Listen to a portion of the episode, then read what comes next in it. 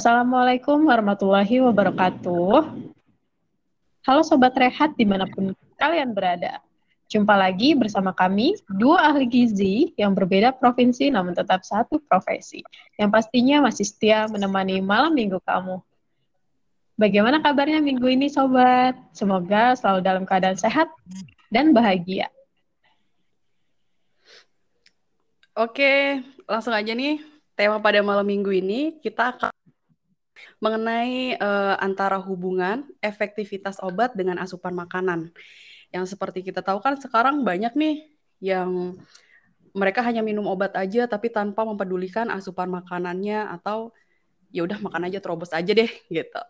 Dan hmm. pada podcast kita kali ini kita kedatangan tamu seorang asisten apoteker yang saat ini bekerja di Puskesmas Mandala, Kabupaten Lebak. Langsung aja kita sapa nih. Hai Nia. Halo, Halo. Nia. Hai. Nia, gimana nih kabarnya? Uh, Alhamdulillah baik, tapi agak flu dikit ya. Karena lagi hmm. banyak kegiatan juga. Uh, jadi rada flu dikit. Udah minum obat belum? Uh, minum vitamin udah, sama udah oh, makan juga. Okay. Semoga lekas sembuh. Amin. Terus sekarang kegiatannya akhir-akhir ini ngapain aja nih, Nia? Hmm, akhir-akhir ini full banget ya, padat jadwalnya. Ngapain Karena kan tuh? Podcast itu kan nggak bisa WFH ya, tetap masuk uh. terus. Iya, Lagi rame banget gitu di puskesmasnya. Iya, rame. Rame yang vaksin, rame yang berobat. Hmm. So, kalau di tempat itu ini sepi yang berobat. Hmm, kalau di sini lumayan sih ada terus gitu yang berobat, terus yang vaksin juga kan ngantri hmm. ya. Hmm, ikutan tim vaksin? Enggak sih, cuman ngelayanin obat aja gitu. Jadi oh. lebih ramai ya pasien yang datang iya. jadi lebih banyak juga ya malah. Iya, terus kan kalau yang vaksin itu kan biasanya diperiksa dulu tuh kalau yang tensinya tinggi kan dialihin lagi ke ruang BP terus datang kapot hmm. buat obat penurun. Oh gitu. Keren lagi banyak kegiatan apa gitu di lapangan. Terus sama kemarin juga lagi itu repot apa administrasi kan. Hmm. Iya. Merangkap. Jadi banyak banget kegiatannya. Oh, oh nggak iya. cuma ini aja ya, nggak cuma di apotek aja ya. Iya. Ada kerjaan yang lain. Mm, tugas tam. Oh. Tapi tetap jaga kesehatannya nih. Lanjut nah, ngomong ngomongin obat nih. Kan uh, kebetulan aku juga belakangan lagi apa ya? Alerginya kambuh karena memang suhu di sini kan uh, lumayan apa lagi lumayan rendah gitu. Jadi kalau malam tuh kayak berasa dingin, pagi dingin. Nah, jadi itu suka bikin uh, mampet hidung gitu. Kadang kan kalau kayak orang flu gitu ya, flu aja gitu. Iya. Itu tuh suka ah ntar juga mendingan gitu. Sebenarnya hmm. uh, penting seberapa penting sih sebenarnya orang minum obat ketika dia sakit Terus sama ya tadi semua sakit itu apa harus minum obat? Hmm, gitu. Kalau menurut aku enggak semua penyakit juga sih harus minum obat kayak hmm. ya apa itu uh, kalau malam karena cuacanya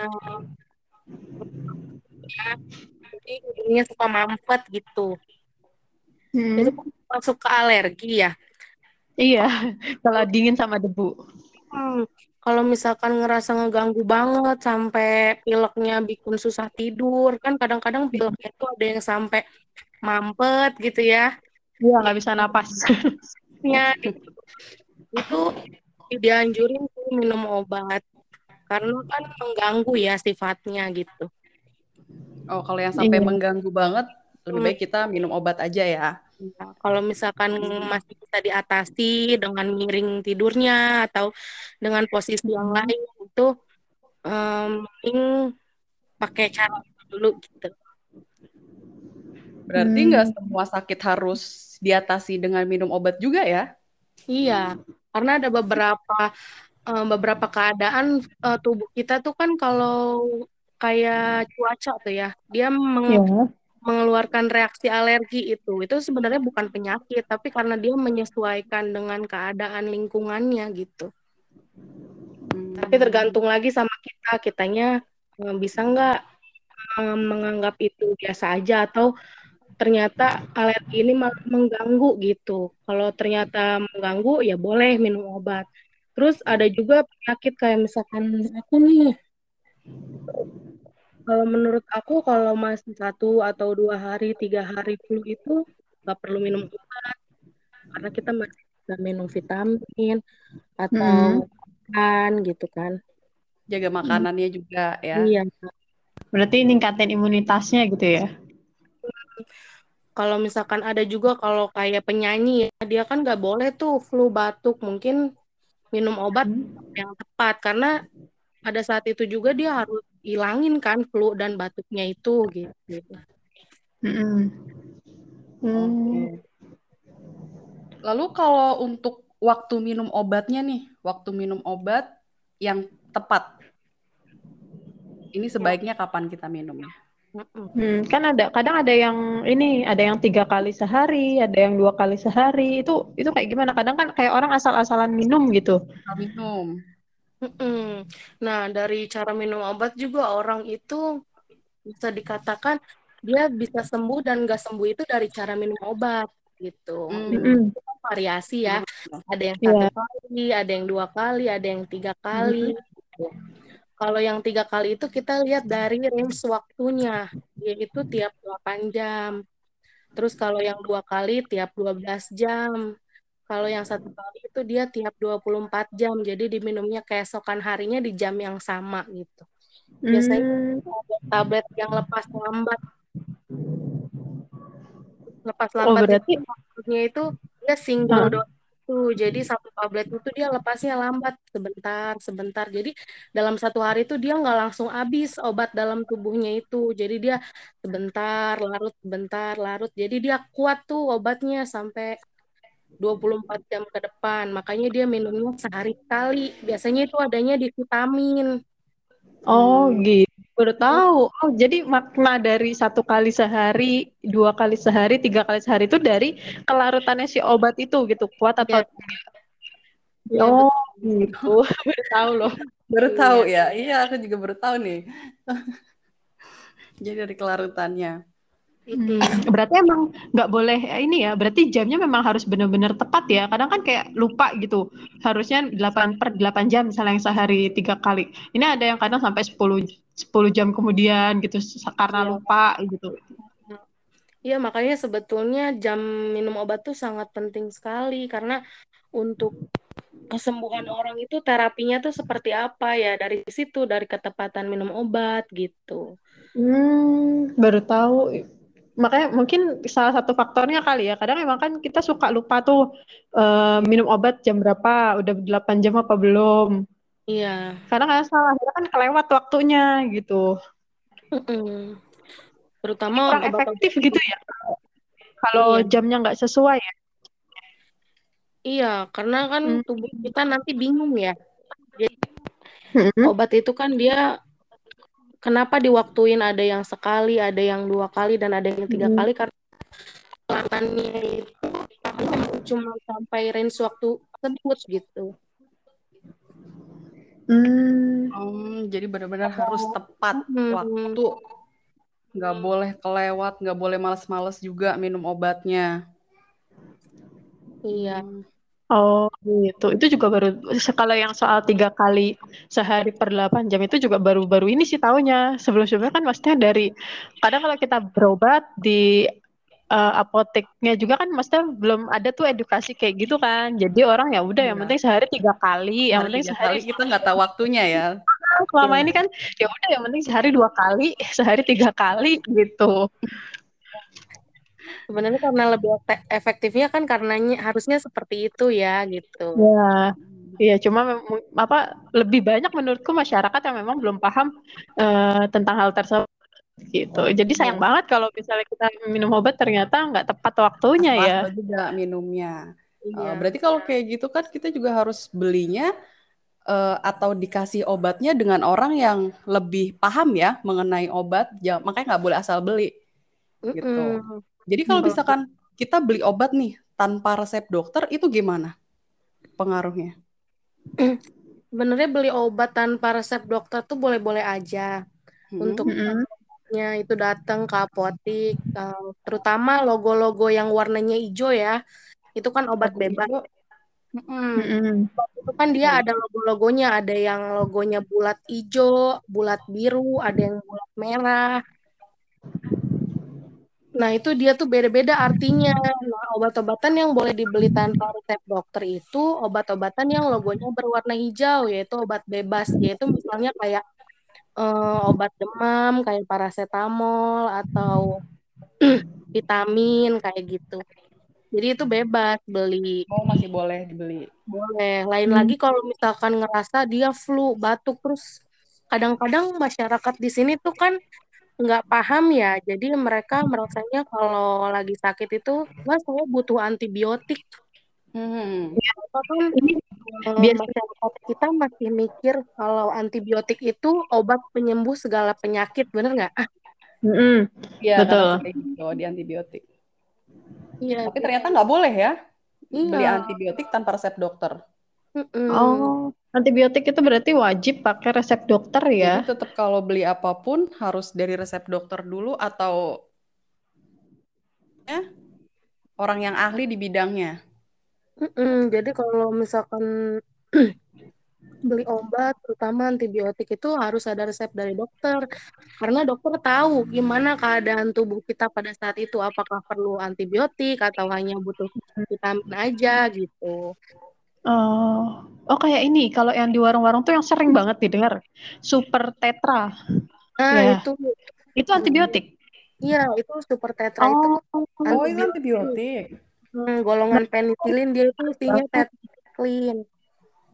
Iya, sering banget tuh orang kayak ngerasa nggak enak badan lah, sakit gigi lah, uh, ngerasa nggak enak gitu. Pasti ujungnya udah super tetra aja, super tetra aja gitu. Iya. Nah, banyak masyarakat yang terlalu sering konsumsi antibiotik karena kan mereka ngerasanya minum antibiotik satu dua kali udah sembuh ah udah ya. ah, udah sembuh katanya gitu. Betul. Padahal sebetulnya konsumsi antibiotik tuh nggak kayak gitu. Jadi antibiotik tetap diminum walaupun keadaan tubuh kita udah sehat. Karena apa? Karena bakteri dalam tubuh kita itu belum tentu mati. Dia itu hmm. masih dalam keadaan lemah gitu kan. Hmm, pingsan-pingsan gitu ya.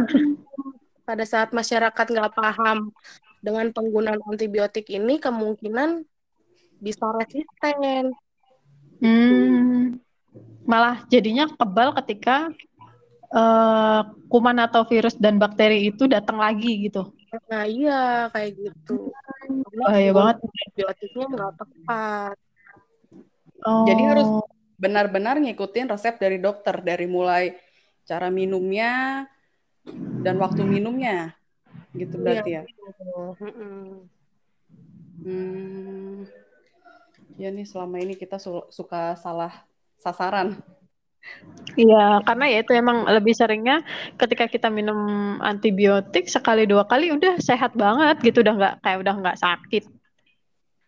Iya, karena masyarakat kita masih awam karena mereka merasanya uh, sa kalau sakit aja minum obat gitu. Betulnya kalau kita udah minum antibiotik sekali dua kali walaupun udah sehat itu kan kelihatan dari luarnya aja ya kita kan nggak tahu dalamnya gimana. Mm -hmm. Iya betul. Makanya harus pakai resep dokter dan biasanya jangka waktu antibiotik itu tiga hari paling cepat. Oh, minimal konsumsi tiga hari ya? Nah, itu pun dengan dosis sehari tiga kali. Ada juga yang sehari sekali dan itu minimal lima hari.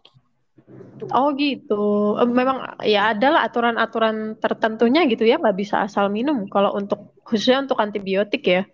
Mm -mm. Oke. Okay. Terus ini sama masih apa namanya? Kadang masih bingung nih. Jadi aku di rumah obat itu ada yang ditaruh di kulkas, ada yang taruh di kotak obat. Nah, sebenarnya penyimpanan yang uh, baik, yang benar tuh gimana sih? Ada kan ya obat yang memang harus di suhu yang uh, rendah, ada yang suhu ruang pun bisa gitu ya? Iya. Kalau obat-obatan yang di suhu uh, obat-obatan itu kan macam-macam ya dia penyimpanannya ya. Biasanya yeah. di belakang kotaknya itu dia udah ada uh, cara penyimpanan suhunya di situ kan. Nah, untuk beberapa obat yang kayak supo, terus itu lebih baik ditaruhnya di kulkas karena dia itu kan harus beku ya. Yang yang apa tadi? So supo, supo yang biasanya kalau orang moroid gitu ya. Yang wasir, uh, obat wasir. Hmm, kayak iya. apa maksudnya bentuknya? Bentuknya atau gimana? Yang kayak kapsul gitu? Nah, bentuknya itu kayak kayak peluru. Kayak peluru. Oh. Itu dimasukin ke anus biasanya buat orang-orang yang BAB-nya berdarah kayak gitu. Hmm. Oh. Terus kalau Terus, mm -mm. Iya, maksudnya selain itu apalagi nih yang yang masuk kulkas gitu. Soalnya kayak aku kan uh, apa ya, yang soalnya kan nggak semua obat itu kita dapat kotak, dapat tulisan ya. Kadang ada yang memang benar-benar cuma selembaran apa satu apa ya namanya satu kaplet ya apa sih nyebutnya itu. Jadi yeah. yang kayak kapsul-kapsulan dia kemungkinan kalau kena panas kan um, apa ya lumer gitu ya. Jadi ya aku taruh kulkas. Tapi kalau yang kayak tablet-tablet biasa ya di suhu ruang aja gitu di kotak obat.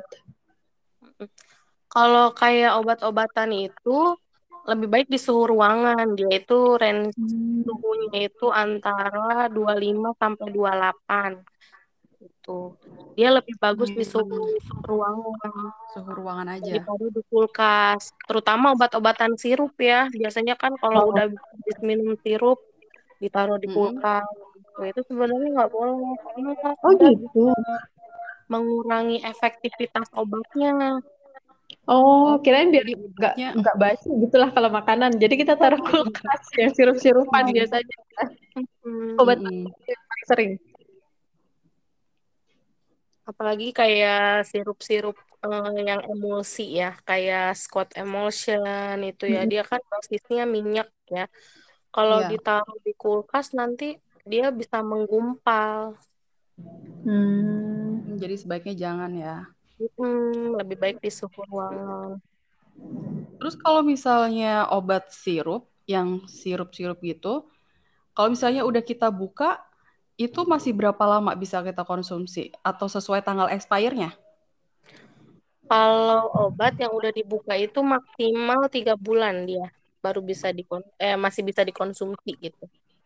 Tapi itu juga, mm, tapi itu juga cuman sirup yang ini ya, sirup sirup yang bukan ada serbuknya kayak antibiotik gitu.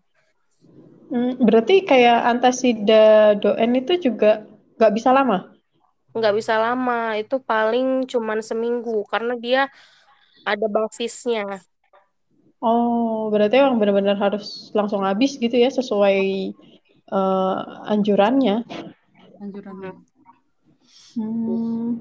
Jadi lebih baik dibuang kalau udah lebih dari seminggu karena dia udah nggak ini ya, udah nggak efektif lagi gitu obatnya. Jadi percuma diminum juga karena udah nggak efektif.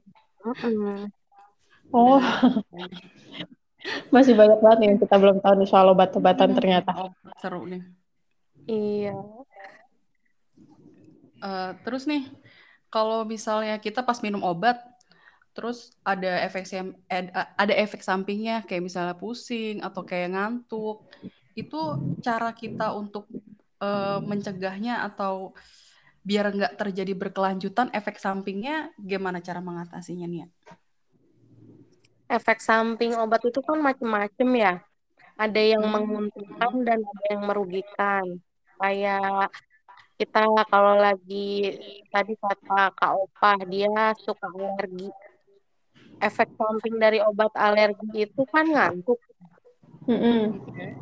Kalau itu kan efek samping yang menguntungkan ya. Jadi itu mah nggak usah dihilangin kan. Karena uh-uh. dia oh. bikin orangnya bisa istirahat kan. Jadi hmm, alerginya juga. aja. Hmm. Tapi beda lagi kalau misalkan yang alerginya udah mengganggu banget, kayak misalkan ada alerginya yang sesek, atau keluar keringat berlebihan, atau jantungnya jadi berdebar-debar gitu. Hmm. Itu um, bisa um, dimulai dari kita stop dulu nih obatnya. Jangan dulu diminum lagi obat itu. Gitu. Oh gitu. Uh, terus kalau bisa uh, kita tuh kayak punya diary gitu ya. Jadi ditulis obat apa sih yang tadi bikin kita jadi nggak nyaman, apa karena minum obat itu jadi berdebar-debar, jadi sesak nafasnya. Itu harusnya kita punya catatan sendiri karena tiap orang tuh beda-beda saat konsumsi obat. Mungkin aja uh, di orang ini cocok, di kita nggak cocok gitu. Jadi untuk ke depannya biar nggak usah konsumsi itu lagi. Nah, gimana kalau udah terlanjur ke minum dan efeknya bikin sesak? Usahain dimuntahin obatnya. Kalau memang nggak bisa dimuntahin, uh, kita hmm. bisa konsumsi susu karena susu itu bisa menetralisir zat yang ada dalam tubuh gitu. Hmm. Jadi langsung minum susu biar obatnya langsung langsung netral lagi. Langsung netral lagi. Mm-hmm. oke yang terakhir nih Nia. Mau nanya nih satu lagi. Iya apa tuh? Um, kira-kira kalau keefektif keefektifan obat yang kita minum nih mm-hmm. uh, ada nggak hubungannya dengan asupan makanan? Jadi kalau misalkan asupan makan kita udah bagus obatnya bakal bekerja lebih efektif lagi atau atau ternyata nggak ada hubungannya? Gimana nih menurut Nia? Kalau menurut aku ya, minum obat itu penting banget harus makan. Soalnya mm-hmm. kalau kita nggak makan, itu nanti nggak ngefek juga obatnya, terutama obat-obatan antibiotik ya. Dia itu harus diminum setelah makan, gitu. Karena penyerapannya akan lebih sempurna ketika orang itu makan dan mencukupi nutrisinya dengan baik, gitu. Hmm, gitu. Ya karena kan orang kalau lagi sakit kan nggak nafsu makan ya. Ya udahlah yang penting minum obat tar juga enakan gitu. Iya. Hmm. Jadi kadang Jadi, minum obat aja asupan makanannya nggak diperhatiin tuh. Iya. Percuma kan kita minum antibiotik mau sampai tiga hari pun kalau misalkan kita nggak makan dulu tetap aja nggak sembuh. Ataupun nanti kalaupun sembuh mungkin agak lama waktunya dibanding dengan orang yang nutrisinya tercukupi dan minum obatnya tepat waktu, mungkin kesembuhannya akan lebih cepat dibanding dengan orang yang cuma minum obat tanpa memenuhi kebutuhan nutrisinya. Oke. Okay. Berarti perlu banget nih asupan asupan makanan kita juga diperhatiin ketika sakit walaupun kita udah minum obat. Gitu ya. Iya, itu. Opa, gimana ada yang mau ditambahin, ya. Opa? Uh, sebaliknya sih kan ada juga yang beberapa obat itu kita nggak boleh konsumsi barengan sama makanan tertentu. Itu gimana tuh? Ya, itu biasanya di obat-obatan lambung. Karena oh. obat lambung itu bekerja untuk melapisi dinding lambung. Gitu. Mm -hmm maka dia itu lebih baik diminum sebelum makan saat perut kosong gitu. Karena tujuannya sebelum lambung itu bekerja untuk melumatkan makanan, dia harus terlapisi dulu karena lambungnya kan lagi sakit nih. Jadi yang diobatin kan hmm. lambungnya. Maka dari itu sebelum makan minum obat dulu gitu. Oh gitu. Berarti memang ada uh, obat yang dikonsumsinya sebelum makan dan ada juga yang setelah makan ya. Ya makanya perlu diperhatikan kalau pas kita habis dari apotek kan suka dikasih ini sebelum makan, ini sesudah makan. Nah itu benar-benar harus diikutin ya. berarti ya. Iya. Jadi penggunaan obat juga kita penting banget tahu karena obat-obatan itu macam-macam. Ada yang sebelum makan, ada sesudah mm -hmm. makan, bahkan ada yang saat makan. Itu ada di obat gula gitu karena oh, uh, pasien-pasien yang menderita diabetes itu ada ketika apoteker menjelaskan bahwa dia harus minum obat di tengah-tengah makan karena penyerapan obat itu sangat bagus ketika dia oh. bersamaan dengan makanan gitu. Oh, baru tahu. Ya karena memang belum pernah sih dan jangan sampai lah. Berarti Jangan ada sampai. juga obat yang makannya tuh kayak jatuhnya seling-selingan gitu ya sama makan ya minum obatnya. Iya, benar. Jadi eh, obat itu dia penyerapannya harus bersamaan dengan makanan agar penyerapannya itu sempurna gitu. Makanya dia ditempatin di tengah-tengah makan. Hmm, oke. Oke, udah udah jelas banget sih. Ma- makin jelas lah dari yang sebelum-sebelumnya. Akhirnya tahu oh eh, ternyata Iya. tadi minum obatnya ada yang harus sebelum, ada yang harus sesudah. Terus Bahkan ada yang makan ya. Heeh, waktu makannya juga, eh waktu minum obatnya harus tepat waktu gitu. Yang nggak kita perhatiin ketika sakit gitu. Iya. Kita jadi akhirnya tahu tentang obat. Kita kan juga dari gizi nggak terlalu banyak ngebahas obat, nutrisi aja, tapi ternyata mereka saling berhubungan. Jadi minum obat dan asupan makan pun itu harus benar-benar dijaga ketika emang lagi sakit. Iya, benar banget. Nia, Oke. kira-kira ada yang mau ditambahin lagi? Ada saran mungkin yang mungkin selama ini sering ditemui di pasien, mereka nggak sadar harusnya dilakuin.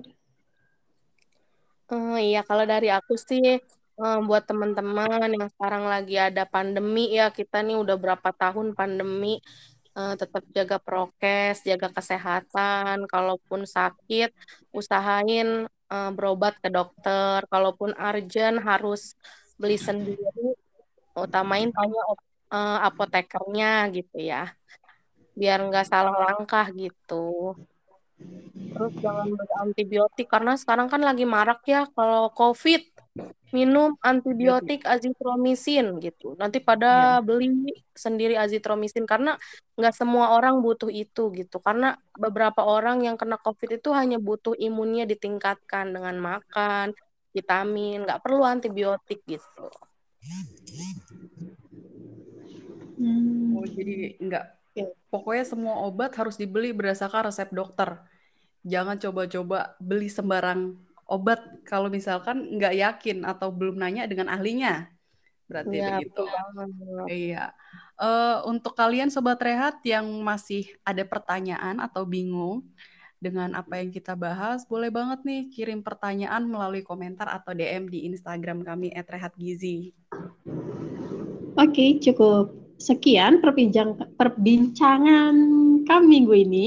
Jangan sampai kelewatan untuk mendengarkan podcast eh, kami di minggu-minggu berikutnya. Berikutnya. Semoga informasi yang kami berikan minggu ini dapat bermanfaat untuk teman-teman dan juga keluarga. Oke, tetap Sampai berjumpa prokes. lagi.